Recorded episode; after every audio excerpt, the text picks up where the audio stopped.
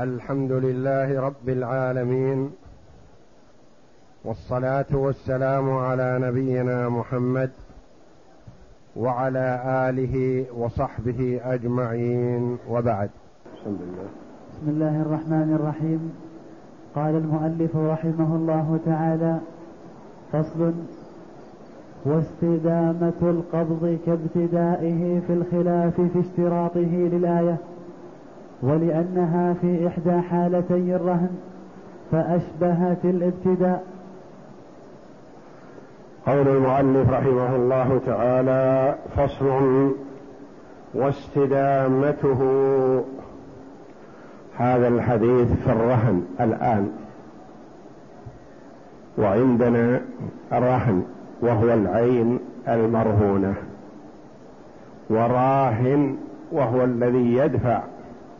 العين المرهونة الذي يملك العين المرهونة ويدفعها رهنا ومرتهن وهو الذي يقبض الرهن حتى يستلم حقه. رهن وراهن ومرتهن.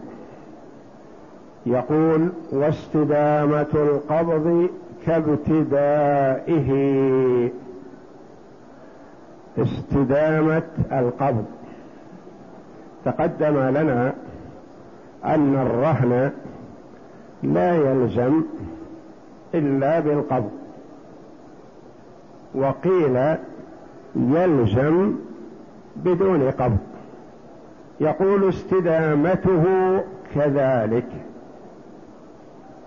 شخص رهن شيئا ما فاستلمه المرتهن. ثم إن المرتهن لزم حينئذ الرهن. ثم إن المرتهن سلمه للراهن. زال لزومه حينئذ لأنه زال من يد المرتهن إلى يد الراهن فكأنه لم يسلم رهن. فإن عاد أعاده الراهن إلى المرتهن. عاد لزوم الرهن حينئذ. ما يملك الراهن التصرف فيه لأنه عاد ليد المرتهن. القول الآخر عند من يرى أن القبض ليس بلازم كذلك استدامته ليست بلازمه فمثلا قال أرهنك كذا شيء معين لزم الرهن. قبضه المرتهن صار عنده. أعاده المرتهن إلى الراهن ليتصرف فيه. حينئذ إذا قلنا القبض ليس بلازم سيان عند هذا أو عند هذا فهو رهن ولا يسوغ للراهن أن يتصرف فيه إلا بإذن المرتهن. وكما تقدم لنا الشيء المرهون لا يجوز بيعه ولا يجوز وقفه ولا يجوز دفعه مهرا.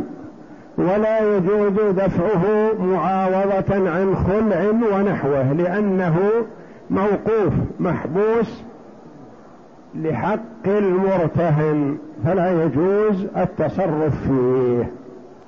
كابتدائه في الخلاف في اشتراطه للآية الكريمة لأن الآية الكريمة في قوله تعالى وإن كنتم على سفر ولم تجدوا كاتبا فرهان مقبوضة. الرهن صفته أنه يكون مقبوض يقبضه المرتهن. نعم. فإن قلنا فإن قلنا باشتراطه فأخرجه المرتهن عن يده باختياره إلى الراهن زال لزومه وبقي كالذي لم يقبض. مثل أن مثل أن أج أن أجره إياه. أو أودعه أو أعاره أو غير ذلك. فإن قلنا باشتراطه يعني باشتراط استمرار القبض فأخرجه المرتهن عن يده باختياره لا غصب لأن أخذ الرهن من يد المرتهن على سبيل الغصب لا يزيل لزومه لأن هذا الأخذ بغير حق. لكن إذا أخرجه باختياره زال لزومه حينئذ وزال الرهن. مثلا رهنه شيء ثم أعاده إلى الراهن قال دعه عندك. حينئذ صار كأن الدين لا رهن فيه يزول لزوم هذا الرهن فيبقى الدين في ذمة المدين بلا رهن. عن يده باختياره إلى الراهن زال لزومه وبقي كالذي لم يقبض يعني كأنه لم يكن فيه رهن حينئذ. مثل أن أجره إياه. الرهن مثلا بيد المرتهن.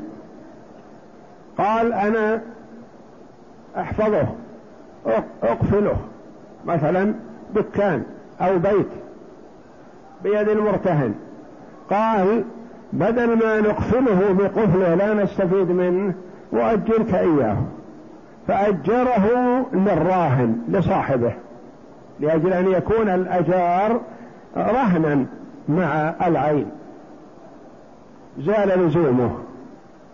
أو أودعه إياه قال خذ هذا الرهن الذي أعطيتني خله عندك. احفظه عندك. زال لزومه. أو أعاره إياه. قال أعرني الرهن الذي جعلته رهنا عندك. أعرني إياه. فترة وأعيده إليك. فأعاره إياه. أعاره للراهن. زال لزومه. نعم. وبقي كالذي لم يقبض يعني كأنه لا رهن فيه حينئذ. فإن رده الراهن إليه عاد اللزوم بحكم العقد السابق. فإن أعاده الراهن إلى المرتهن لزم. وبقي رهنا بيد المرتهن لا يملك الراهن التصرف فيه. نعم. بحكم العقد السابق لا بحكم الإعادة هذه لأن الإعادة هذه لا حكم لها. وإنما لو لم يعد زال الرهن. فإذا أعيد بقي على الرهن على الحكم السابق العقد السابق الأول. نعم. لأنه أقبضه باختياره فلزم كالأول. لأنه أقبضه. لأن الراهن أقبض المرتهن الرهن باختياره فلزم. نعم. وإن أزيلت يد المرتهن بعدوان كغصب ونحوه فالرهن بحاله لأن يده ثابتة حكما فكأنها لم لم تزل. مثلا المرتهن قبض الرهن لزم أيا كان الرهن مثلا أرض أو بيت أو سيارة أو بعير أو بقرة أو أي شيء أي عين قبضها المرتهن لزمت جاءت يد ظالمة. فاغتصبت هذه العين من يد المرتهن. وأخذها وصادرها. هل بقي الدين كأنه لا رهن فيه؟ وزال الرهن وحكمه؟ لأن قلنا إذا أعاد المرتهن الرهن إلى الراهن زال حكمه. هذه ما أعاده وإنما أخذت منه بالقوة. أخذت منه غصب. ظلم بأخذها هل يزول حكم الرهن؟ لا لأن الرهن بحالة. هذه يد ظالمة. يد جائرة. لا يترتب عليها أحكام. يد غاصبة. إن تلف في يدها ضمنته. فإذا أخذ الرهن من المرتهن بالقوة وبدون خياره فإن الرهن لا يزال حكمه. وهذه اليد تعتبر ظالمة. لو أتلفت الرهن وقيد الله من هو أقوى منه وأخذ الحق منه ألزمه أن يدفع قيمة الرهن ليكون رهنا. فالرهن بحاله لأن يده ثابتة حكما يعني ما زالت يعني مأخوذ منه بالقوة والأخذ بالقوة لا يغير الحكم الحكم على ما كان عليه. فكأنها لم تزل يعني فكأن يد المرتهن على الرهن قابضة. نعم. فصل. والرهن أمانة في يد المرتهن. إن تلف بغير تعد منه لم يضمنه. هذا حكم جديد. الرهن أمانة بيد المرتهن. اليد القابضة أنواع. هناك يد تسمى يد أمينة وهناك يد أخرى تسمى يد ضامنة. يد ضامنة. وقد تكون كلا اليدين أمينة من حيث العرف لكن من حيث الحكم تختلف. أنت قبضت هذه العين رهنا. بعت على أخيك شيئا ما فقلت له أريد رهن. فأعطاك كتاب المغني. رهن. فقبضت الكتاب عندك رهن. فدبت إليه الأرض. الأرض فأكلته أو وضعته مع كتبك فجاءت يد ظالمة فسرقته. فهل تضمن؟ لا. في هذه الحال ما تضمن. لأنك مؤتمن على هذا الشيء.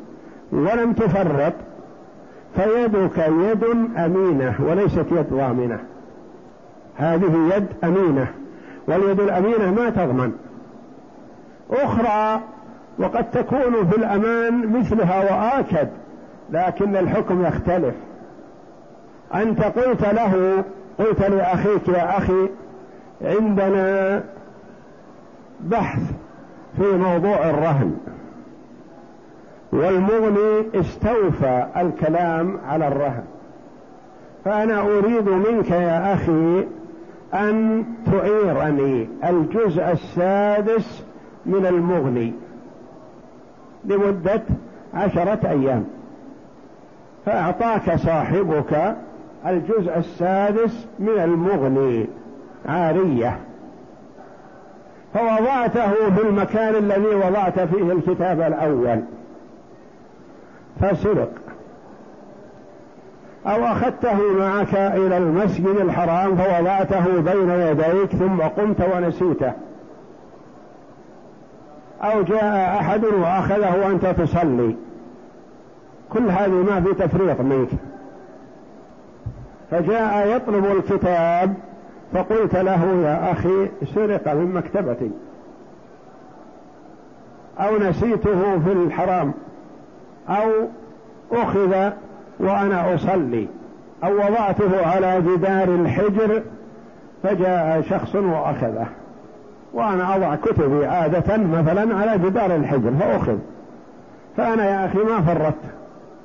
فقال يلزمك يا أخي أنا الآن فسد علي الكتاب كله. لازم أن تشتري لي الكتاب الجزء السادس ليكمل كتابي. فقال يا أخي يد يدي يد أمينة. قل لا بل يدك ليست يد أمينة. يدك يد ضامنة. لما يا أخي؟ أنا ما فرطت. أنا أخذته منك لأستفيد منه وقرأت فيه. أكثرت القراءة فيه لكني وضعته في المكان هذا فأخذ. وأنا ما فرطت. فتقول له لا يدك يد ضامنة لما لأنها يد إعارة. وأنت قبضت هذا لصالحك لحظ نفسك. فالعارية كما قال عليه الصلاة والسلام لصفوان عارية مضمونة. لما طلب منه الأدرع والأسلحة عند صفوان لما عزم صلى الله عليه وسلم على غزو الطائف طلب منه إعارة بعض الأسلحة التي عنده والأجهزة الحربية. قال أغصبا يا محمد؟ قال لا بل عارية مضمونة. العارية مضمونة ما تلف منها في هذا الحرب أو كذا يضمن. كذلك يد المستعير يد ضامنة. يد الغاصب يد ضامنة. يد المرتهن يد أمينة. الصورة الأولى إذا قبضته رهنا ما يلزمك إذا لم تفرط.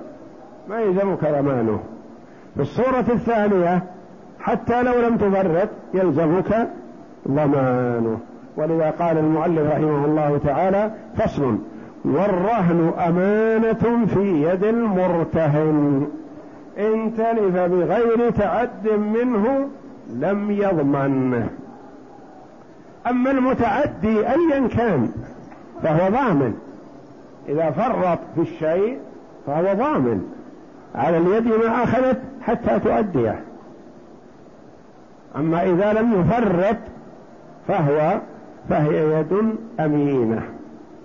مثل ما لو أرسل مبلغ مع شخص ما إلى آخر واحتفظ به ما ينبغي الاحتفاظ حسب ما الأصول ثم أخذ مع احتفاظه به لا يلزم ضمانه. وإذا فرط فيه فيلزمه ضمانه. كذلك الرهن أمانة بيد المرتهن.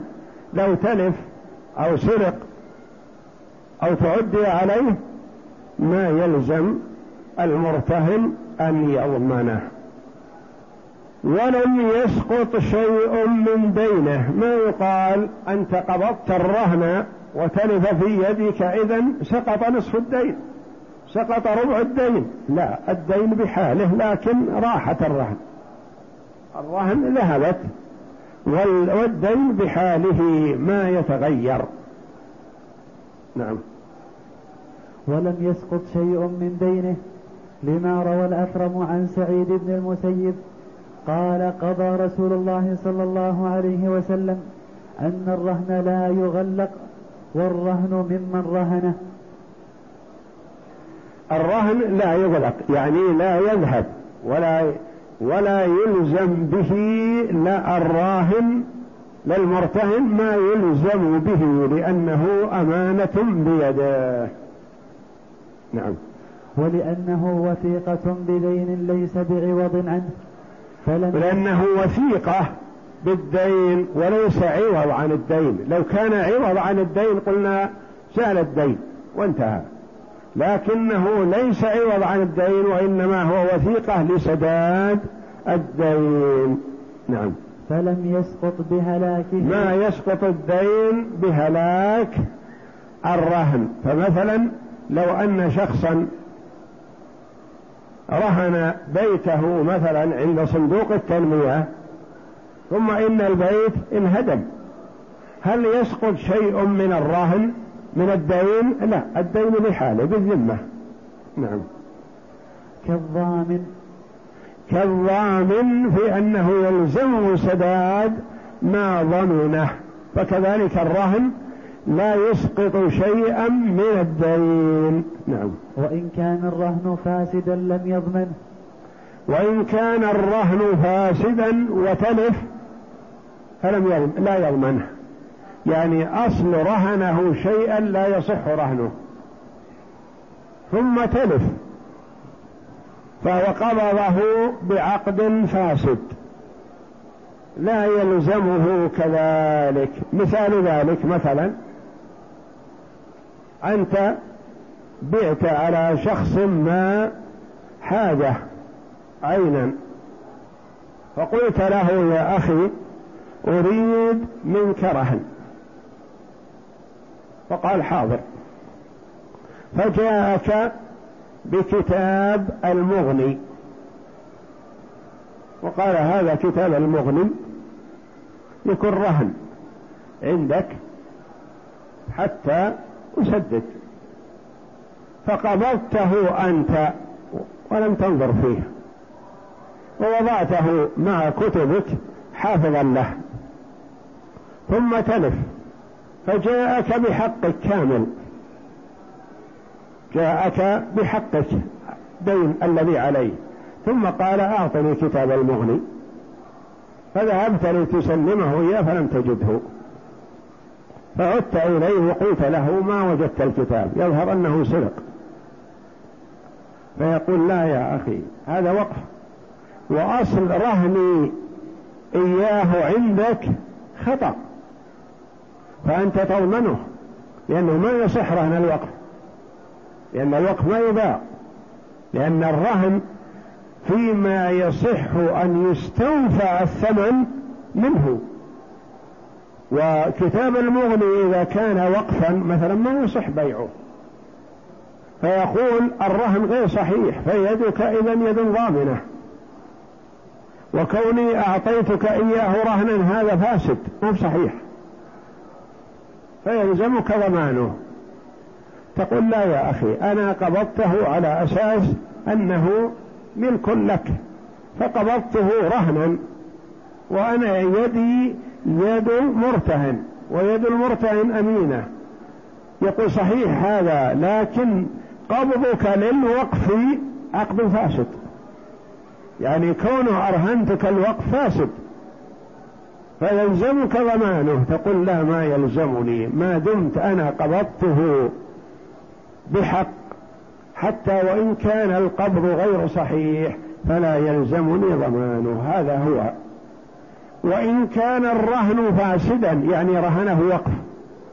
أو رهنه ما لا يجوز بيعه. كأم الولد كما سيأتينا مثلا في الأشياء التي لا يصح رهنها. يسمى الرهن رهن فاسد. يعني ما يستوفى منه الثمن. فتلف في هذا الرهن. فهل يلزم ضمانه لأن الرهن فاسد؟ لا ما يلزم لأن هذا قبضه قبضا صحيحا فلا يلزمه ضمانه. نعم. لأن ما لا يضمن بالعقد الصحيح لا يضمن بالعقد الفاسد. لأن الأصل لو كان العقد صحيح وتلف ما ضمنه. فما بالك إذا كان العقد فاسد فمن باب أولى ألا يضمنه. ثم الذي رهنه قد يلزمه الضمان بدل الوقف. يلزمه أن يشتري كتاب ويجعله بدل الوقف لأنه هو اليد المتعدية.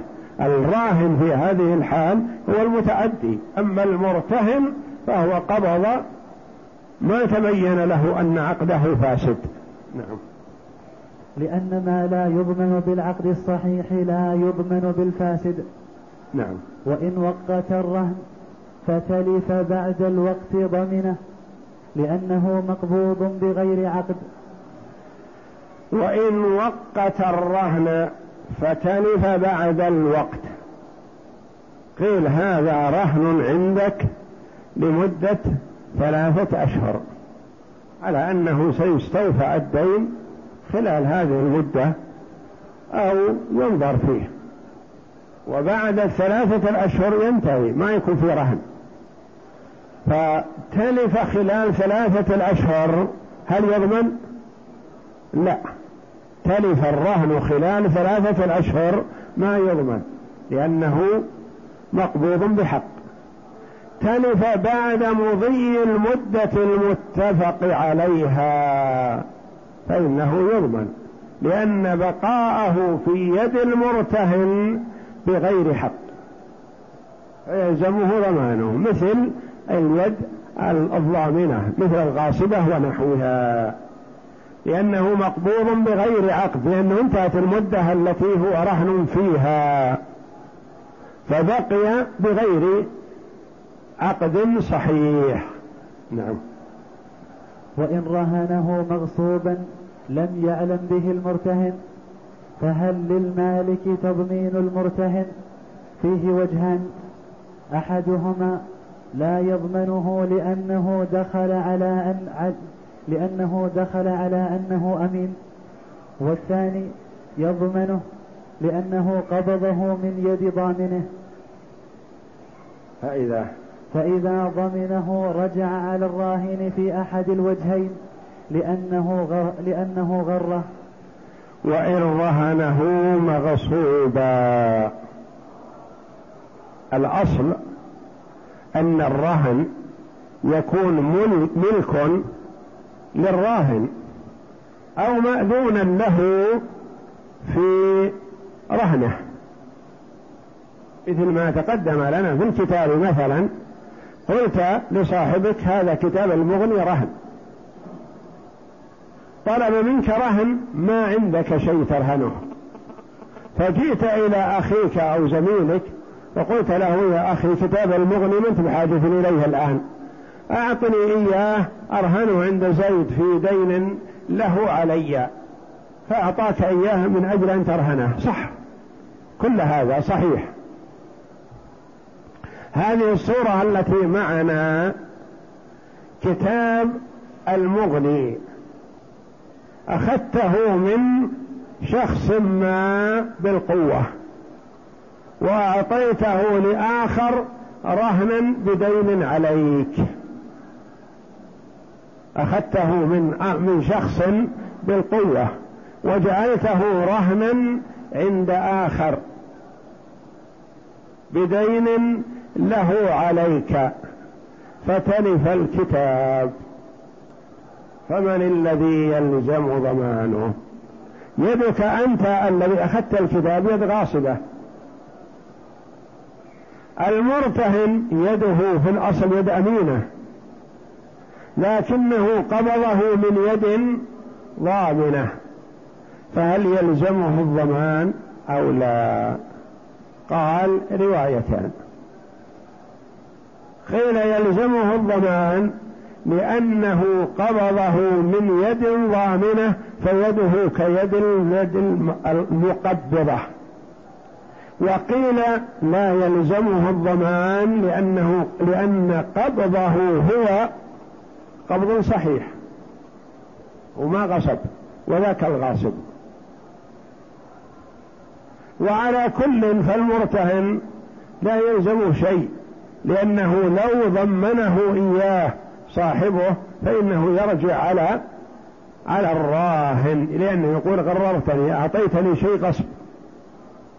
وجاء وتلف.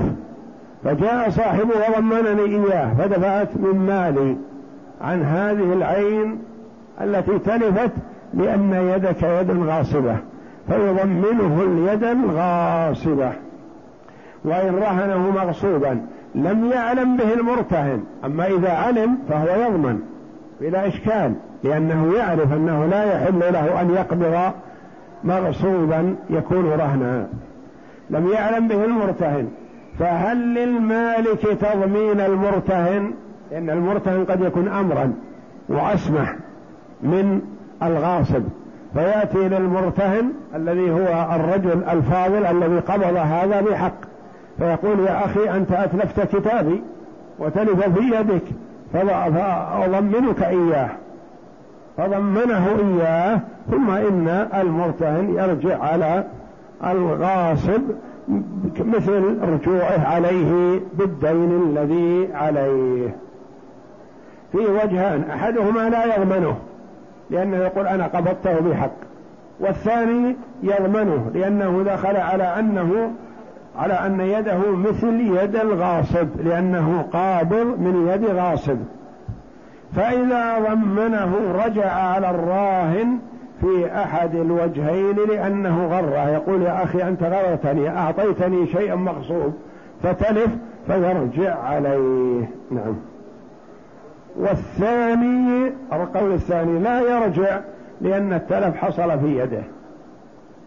لأن التلف تلف الرهن في يد المرتهن ويد المرتهن في هذه الحال يد ضامنة لأنها قابضة من يد ضامنة والفرع عن الفرع مثله. مثلا فالقول الثاني أنه التلف حصل في يده فاستقر الضمان عليه. وإن ضمن الراهن فهل يرجع على المرتهن؟ على المرتهن ضمن الراهن الذي غصب الذي غصب العين. هل الراهن في هذه الحال يرجع على المرتهن ويقول أنت أتلفت الكتاب فاضمنه؟ على وجهين قيل يضمنه لأنه تلف في يده وقيل لا يضمنه لأنه تلف لأنه قبضه بصفة يد أمينة. نعم. إن قلنا يرجع المرتهن لم يرجع الراهن. وإن قلنا لا يرجع ثم رجعها هنا. نعم. وإن انفك الرهن بقضاء أو إبراء بقي الرهن بقي الرهن أمانة. لأن قبضه حصل بإذن مالكه. لا لي لا ليختص القابض بنفعه فأشبه الوديعة. فإن انفك الرهن بقضاء أو إبراء قضى الدين. والرهن الآن بيد المرتهن. والمرتهن استلم حقه. ثم تلف في هذه الحال. فهل يلزمه ضمانه؟ لا يده كما كانت ما تغيرت. يده يد أمينة فلا يلزمه الضمان. لأن قبضه لأنه قبضه على أساس أنه يد أمينة. فقبض شيئا فبقي عنده.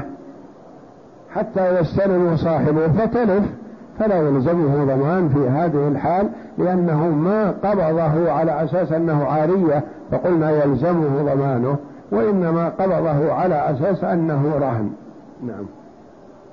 فصل إذا حل الدين فوفاه الراهن انفك الرهن. وإن لم يوفه وكان قد أذن في بيع الرهن بيع واستوفي الدين من ثمنه وما بقي فله. وإذا حل الدين فوفاه الراهن انفك الرهن. يعني إذا أعطاه رهن شيئا ما ثم إن المدين سدد. هل يبقى الرهن يستمر بيد المرتهن؟ لا ينفك ويأخذه. فإن لم يسدد وكان قد أذن في بيع الراهن قال مثلا إذا حل الأجل ولم أعطك حقك فأنت وكيل عني في بيعه بيعه واستوفي حقك ورد علي الزائد. فإن كان أذن في بيعه فللمرتهن أن يبيعه لأنه معدون له في ذلك. لأن هذه فائدة قبض الرهن من أجل أن يستوفي المرتهن حقه لكن ما يستوفيه إلا بإذن في البيع. وكان قد أذن في بيع الرهن بيع واستوفى الدين من ثمنه وما بقي فله. بقي منه له بقي من القيمة فهو للراهن يرجع إلى صاحبه المالك مثلا. رهن الأرض هذه بدين قدره مئة ألف. فبيعت الأرض هذه بمئة وعشرة آلاف. فيأخذ المرتهن القيمة التي له مئة ألف الدين الذي له وعشرة الآلاف الزائدة في قيمة الرهن ترجع إلى مالكها الأصلي وهو الراهن. نعم. وإن لم يأذن طولب بالإيفاء أو ببيعه. هذا حكم مهم. يعني في الرهن قد يتجرى المرتهن في بيعه. إذا حل الدين ولم يوفه ذهب باعه. ما يصح. إلا إن كان قد أذن له. فإن لم يأذن له ألزمه. أخذ بيده وقال سدد الدين وإلا نبيع الرهن. فإن أذن له في بيع الرهن فبيع وإن أبى قال لا الرهن هذا أنا في أمس الحاجة إليه لا تبعه وأنظرني. فماذا يعمل؟ المرتهن يرفع الأمر إلى الحاكم والحاكم يلزم المدين بالسداد أو يبيع الرهن رغم أنفه لأن هذه فائدة الرهن. ما يصح أن يقول لا تبعه وأنا ما عندي شيء أسدد. إذا ما فائدة الرهن؟ فائدة الرهن إذا لم تسدد بيع لكن المرتهن ما يبيع من نفسه إلا إن كان قد أذن له فإن لم يؤذن له فيرفع الأمر إلى الحاكم لأن الحاكم ولي على العموم فهو يلزم هذا بالسداد فإذا لم يلتزم باع دينه لأن مال الغير ما يجوز لزيد ولا لعمر أن يبيعه إلا الحاكم إذا كان البيع بحق. وإذا كان البيع بغير حق فلا ينفذ ولا يصح. فإن أبى أو كان غائبا فعلى الحاكم ما يراه يعني ما يراه مناسبا. إما أن يجبر المدين بالسداد ويعطيه رهنة وإما أن يأذن للمرتهن أو للعدل في بيع الرهن وإيفاء المرتهن حقه نعم. فإن أبى أو كان غائبا فعلى الحاكم ما يراه من يعني الحاكم ينوب عن الغائب. يقول مثلا يأتي المرتهن ويقول أيها القاضي لدي رهن والرجل الذي رهنني المبلغ الدين هذا غايب ما أدري وين هو. لا أدري هو حي أو ميت وأنا هذا الدين ثابت في ذمتي يصك بمئة ألف. وهذه الأرض رهن مهمش على الصك لأنها رهن بالدين الذي لفلان قدره كذا. فالحاكم ينوب عن الغائب. ما يقول انتظره لأنه قد تطول غيبته. فالحاكم ينوب عن الغائب ويبيع الرهن ويوفي المرتهن حقه ويقبض الزائد للراهن متى ما جاء. نعم. فعلى الحاكم ما يراه من إجباره على البيع أو القضاء أو بيع الرهن بنفسه أو بأمينه. أو بيع الرهن بنفسه يعني القاضي يبيع. لأنه ينوب عن الرجل إذا أبى أن يوفي وأبى أن يبيع فالقاضي يبيعه بنفسه. يبيعه بنفسه أو بأمينه. يعني يكون أمين للقاضي يفوضه في الأمور مثلا. في بيع الأشياء أو في شراء ما يحتاج إلى شرائه ونحو ذلك. المراد بأمين القاضي يعني وكيل القاضي في التصرف في البيع. مثلا وقد يكون مثلا في الوقت الحاضر أمين القاضي لجنة مثلا. ما يكون واحد لأنه يخشى من الحيف. فيكون لجنة مثلا أو القاضي يفوض هيئة النظر في بيع كذا. هيئة النظر تنظر في قيمته المعتبرة فإذا جاء بها باعوه بإذن من القاضي ويسلم المرتهن حقه ويحفظ القاضي الشيء الزائد من الحق لصاحبه متى ما جاء. والله أعلم. وصلى الله وسلم وبارك على عبده ورسول نبينا محمد وعلى آله وصحبه أجمعين.